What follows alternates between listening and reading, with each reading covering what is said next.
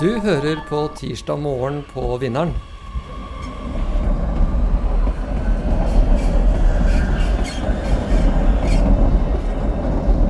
Hei, eh, god morgen. Eh, jeg heter Marit Berger Røsland.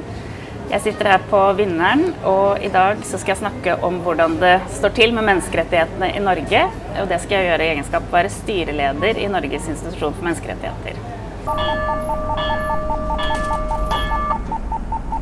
Velkommen til eh, tirsdag morgen på Vinneren. Dette er en eh, kjapp og uformell samtale om et aktuelt tema hver tirsdag klokken 8 til 8.20. Det er åpent for alle. Det er mulig å komme hit på Baker Hansen på Vinneren og være med over en kopp kaffe, eller man kan følge strømmingen på Facebook-siden til Vestre Aker Høyre. Eller man kan plukke opp podkasten i eh, ettertid på alle kjente plattformer. Eh, vi kunne jo snakket om mange ting i dag. Vi kunne ha snakket om eh, det, den budsjettavtalen som regjeringen har laget med SV, og konsekvensene det kan ha. Eh, vi kunne snakket om koronasituasjonen sikkert, men i dag skal vi snakke om situasjonen for menneskerettigheter i Norge.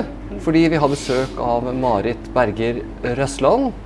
Hun, blant, hun, er jurist, har bl.a. en fortid som statssekretær i både Justisdepartementet, Utenriksdepartementet og på statsministerens eh, kontor under Erna Solbergs eh, regjering. Men eh, hun er her Og hun har også vært europaminister en periode i den forbindelse. Men Marit er her nå fordi hun er styreleder i Norges institusjon for menneskerettigheter. Og kanskje vi bare skal starte der, Marit. Hva er Norges institusjon for menneskerettigheter?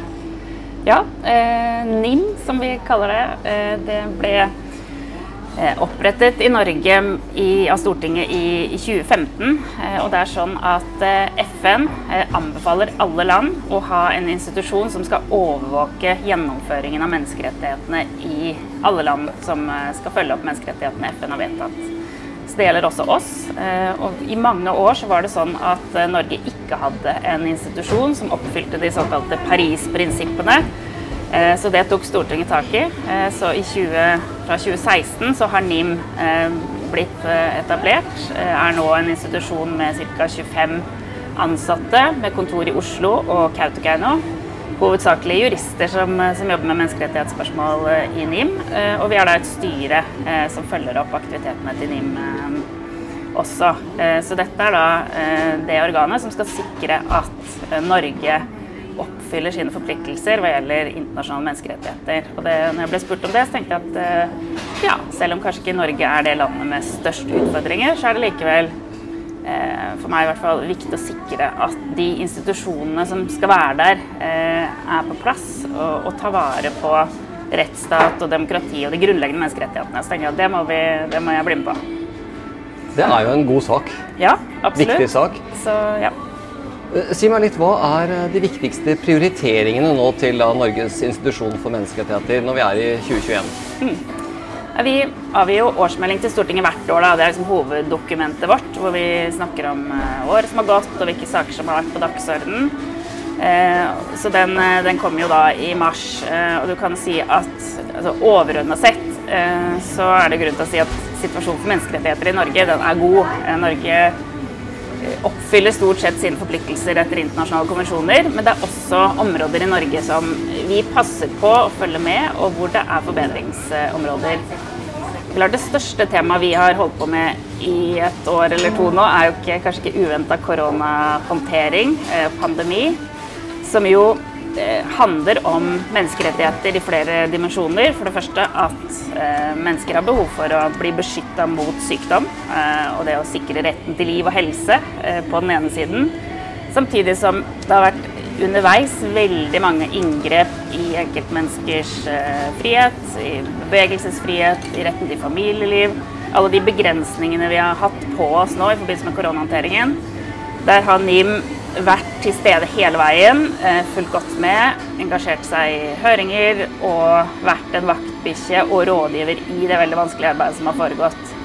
Eh, og vi har også påpekt noen funn knyttet til eh, koronahåndteringen som ikke har vært så bra som den burde være. Så korona er et stort tema. Barnevern, klima- og menneskerettigheter, psykisk syke i fengsel.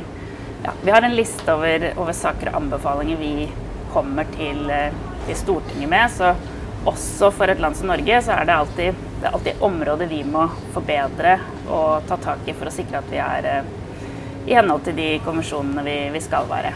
Så vi må ikke, vi må ikke havne bakpå. Og Senest i forrige uke så fikk vi jo to dommer mot oss i Den europeiske menneskerettighetsdomstol på barnevernssiden. Så der er det fortsatt noe å jobbe med. Nettopp. Eh, la oss eh, snakke litt mer om eh, koronasituasjonen. Mm. Fordi det er vel lov å si at den avgående regjeringen fikk mange gode skussmål for håndteringen, men det er jo klart at det, det var inngripende tiltak. Mm. Her som i, i alle land. Og, og i en Høyre-sammenheng så går det også an å si at det jo, gjør jo litt vondt å, å, å, å ha så harde inngrep mot uh, enkeltmenneskets frihet, f.eks. bare å samle venner og familie. Mm. Uh, men hvilke aspekter rundt dette fant dere mest problematisk fra et menneskerettighetsståsted? Mm. Ja, det er som du sier, at dette er jo liksom, det er dilemmaer og vanskelige avveininger. Og, og, NIM har ikke hatt noe ønske eller behov for å være liksom, daglig på jakt etter uh, krenkelse av menneskerettigheter i en veldig vanskelig håndtering. Så, så vi har vært uh, si, opptatt av å liksom, uttrykke forståelse for de vanskelige avveiningene som, som myndighetene må gjøre i en sånn situasjon, og at så lenge et tiltak har hjemmel i lov og det er forholdsmessig, så, så, kan man iverksette ganske mange inngrepne tiltak i en pandemi. Eh, men det vi har sett sånn, både underveis og kanskje litt i etterpåklokskapens lys, som det heter, at, eh, at noen sårbare grupper fikk nok eh, en liksom, ekstra belastning under pandemien som, som, kanskje ikke var forholdsmessig, sånn sett i ettertid i hvert fall. Det gjelder jo for det første innsatte i fengsler, som i en periode ble totalt isolert. Kunne ikke ha besøk, de kunne ikke omgås hverandre. Og klart den ekstra belastningen det innebærer for de som, som sitter liksom, innesperra et sted, og, likevel, og heller ikke får ha sosial omgang med andre. De som er eh, på si, kommunale institusjoner, hvor det også ble liksom, over natt omtrent forbudt eh, med besøk. Veldig begrensa kontakt med andre mennesker. Eh, klart, Barn med særskilte utfordringer, det å bli utestengt fra utdanning og skolesystem. Ekstra belastende. Var vi nok oppmerksomme på det? Eh, og så var vi kritisk i, i, noen runder til de forsøkene som kom på å liksom sette en del av de demokratiske spillereglene litt eh, Eller legge litt mye, mye, press på de, da, med tanke på hvilke fullmakter skulle regjeringen ha uten å involvere Stortinget. Eh, skulle man ha høringer? Rakk man det? Og det er klart, i en sånn første kritisk fase var det greit med kortere frister. Kanskje ikke man rakk høring i det hele tatt. Etter at pandemien var et, liksom, kommet i gang og man visste man mer om hva man hadde å forholde seg til, så mer kritisk fra vår side til at man ikke kjørte vanlige demokratiske prosesser på de tiltakene man vurderte. da. Så koronalovdiskusjon f.eks., som vi engasjerte oss i. Så sårbare grupper og passe på rettsstat også under håndteringen har vært vårt fokus. Ja, nettopp. Og eh, som samfunn så har vi jo lært en del gjennom pandemien. Uh, Opplever du at vi som samfunn også har lært en del om menneskerettighetsaspektene i pandemien? Ble vi flinkere etter hvert på de eh, punktene du har diskutert nå? Ja, det, altså det mm, Vi er jo ønsker å følge menneskerettighetene. Det opplever jeg jo at norske myndigheter har et genuint ønske om. Altså, og NIM ønskes jo sånn sett velkommen som en rådgiver av departementer, av de myndigheter som, skal, som sitter med dette. og klart Selv om det var hektisk i starten og at man ikke hadde tid til de vurderingene, så ble det bedre underveis. Så jeg tror nok det er en forståelse for at de avveiningene må gjøres. Og jeg ser jo at politikere nå bruker forholdsmessig ganske ofte når de diskuterer disse tiltakene. ikke sant? At kan vi gjøre det? Ja, hvis det er forholdsmessig. Eh, og det er et viktig prinsipp for oss at, eh, at du skal jo ikke eh, Altså det må være en balanse her. ikke sant? Hvor langt du går, hvor mye du innskrenker folks bevegelsesfrihet i en pandemi. Nettopp. Ja. Og liksom, portforbud som var oppe, ble jo ikke noe av. Så det, var jo, det har jo vært motkrefter og diskusjon om viktige spørsmål underveis som har landet greit. Nettopp. Nå er det jo sånn at uh, Dere som følger strømmingen og er her på Baker Hansen, dere kan også stille spørsmål. Uh, så, så, så, det er bare å bruke kommentarfeltet til det, så skal jeg hjelpe til med at de spørsmålene blir stilt her. Um, Du nevnte barnevern. Ja. Eh, Hva er problemstillingene der? Det er jo mange problemstillinger, men fra et menneskerettighetsståsted. Også utrolig vanskelige saker og med mange dilemmaer. Og bare for å si det at det har jo også vært diskusjon i Norge basert på at barnets beste ikke alltid har vært ivaretatt. Ikke sant? Så du har Vi har vært eh, dømt for saker nå i Den europeiske menneskerettighetsdomstol, men eh, kanskje kunne vi også vært dømt eh, ut ifra at vi ikke har hensyntatt barnets beste i andre saker, fordi at det er eh, et kjempeviktig prinsipp å, å ivareta. Vi har sett i norske saker at heller ikke det har kanskje vært alltid eh, godt nok ivaretatt. Da. Men det som har gjort at vi nå har blitt dømt i flere saker i Europeisk menneskerettighetsdomstol, er at man har vært for dårlig på å avveie eller ta hensyn til retten til familieliv i de sakene som har vært prøvd. Eh, og det, at man, det går på at det norske barnevernet har vært for lite opptatt av å ha med seg denne gjenforeningsformålet eh, i saker. Så hvis du, selv om kanskje omsorgsovertakelsen var riktig i utgangspunktet, eh, men hvis du da heller ikke gir samvær til de biologiske foreldrene og bryter de båndene mer permanent veldig fort, eh, så sier domstolen at da, da har vi ikke ivaretatt familiens rett til familieliv eh, på den annen side. Så det, vi har nok gått for, altså vi har ikke vært gode nok da, til å vurdere totaliteten av menneskerettigheter i de sakene. Barnets beste, men også retten til familieliv og noen bånd som, som brytes gjennom selvfølgelig veldig inngripende, dramatiske vedtak når det pågår.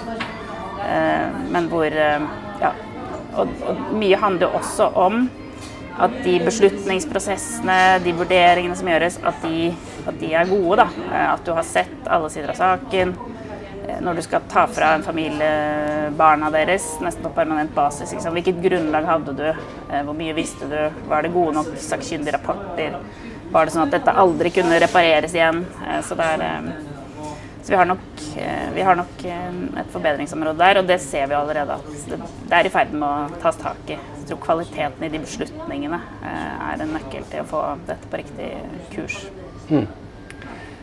Opplever du at problemet der er at lovgivningen er for svak, eller at det er for lite kompetanse blant de som utøver dette her, eller, eller at det er måten prosessene som vedtakene treffes innenfor, eller går det an å si noe om hvor, hvor svakhetene er?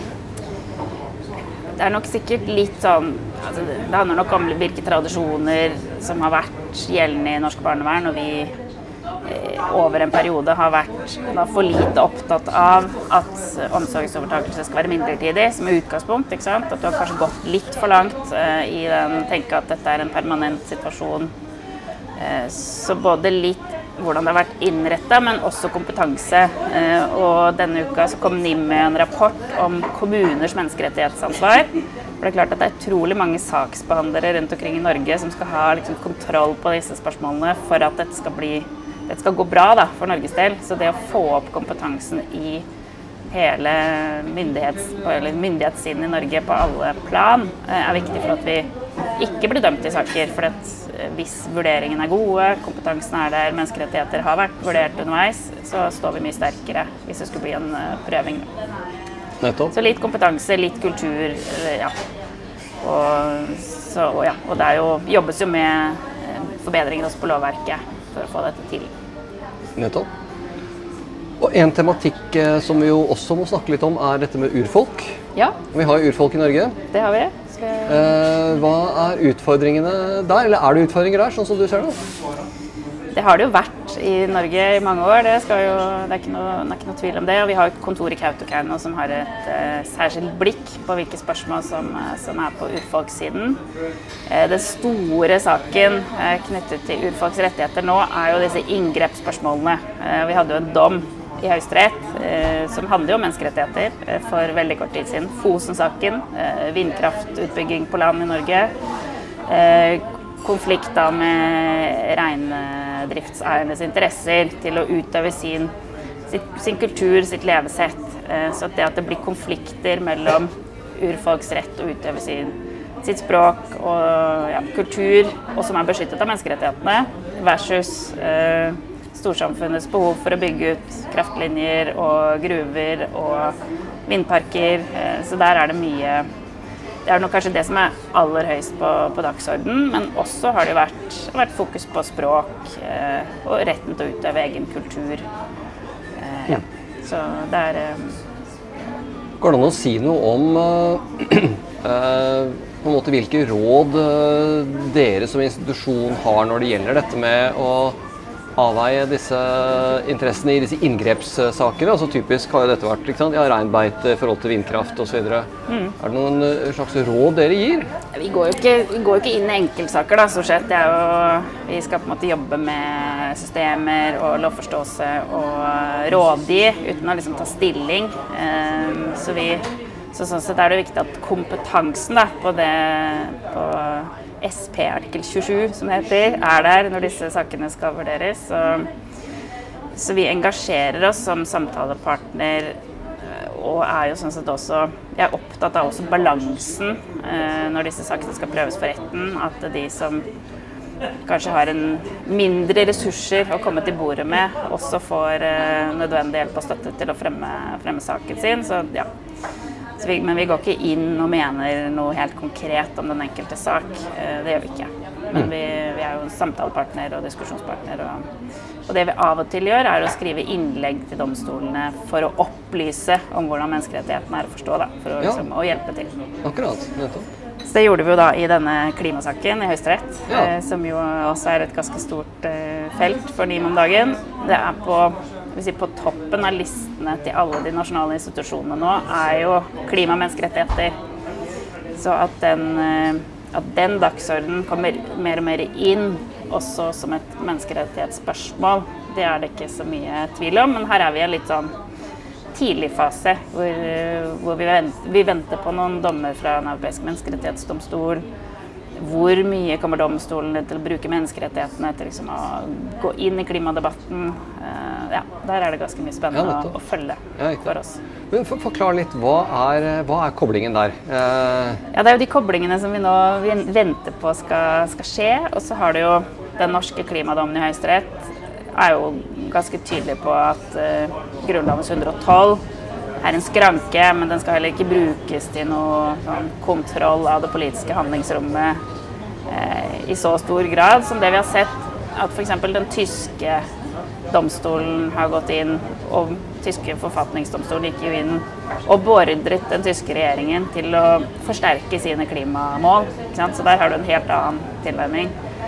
Eh, og i Nederland så har du hatt saker mot Shell eh, som bygger på sånn, duty of care, at du skal ta vare på eh, miljø og menneskerettigheter. Eh, men det handler jo om at klimarisikoen er så stor at på et tidspunkt så er det klart at det påvirker menneskers rett til, til liv og til helse. Det kan påvirke eiendomsrett. Eh, fordi at effekten av klimaendringene kan bli så store at det blir et menneskerettighetsspørsmål. Og de sakene vi har i i altså, Den europeiske menneskerettighetsdomstolen nå handler jo om portugisiske eh, ungdommer som har vært utsatt for altså det er skogbrannfare. Eh, det er et menneskerettighetsspørsmål. Sak mot 33 land i Europa. Så vi får se hvordan det ender. En annen sak handler om eldre damer i Sveits som mener at eh, de har en økt helserisiko pga. hetebølgene som de mener er forårsaket av klimaendringer. Så her er det jo det er et ganske spennende felt å, å følge med på. rett og slett. Og vi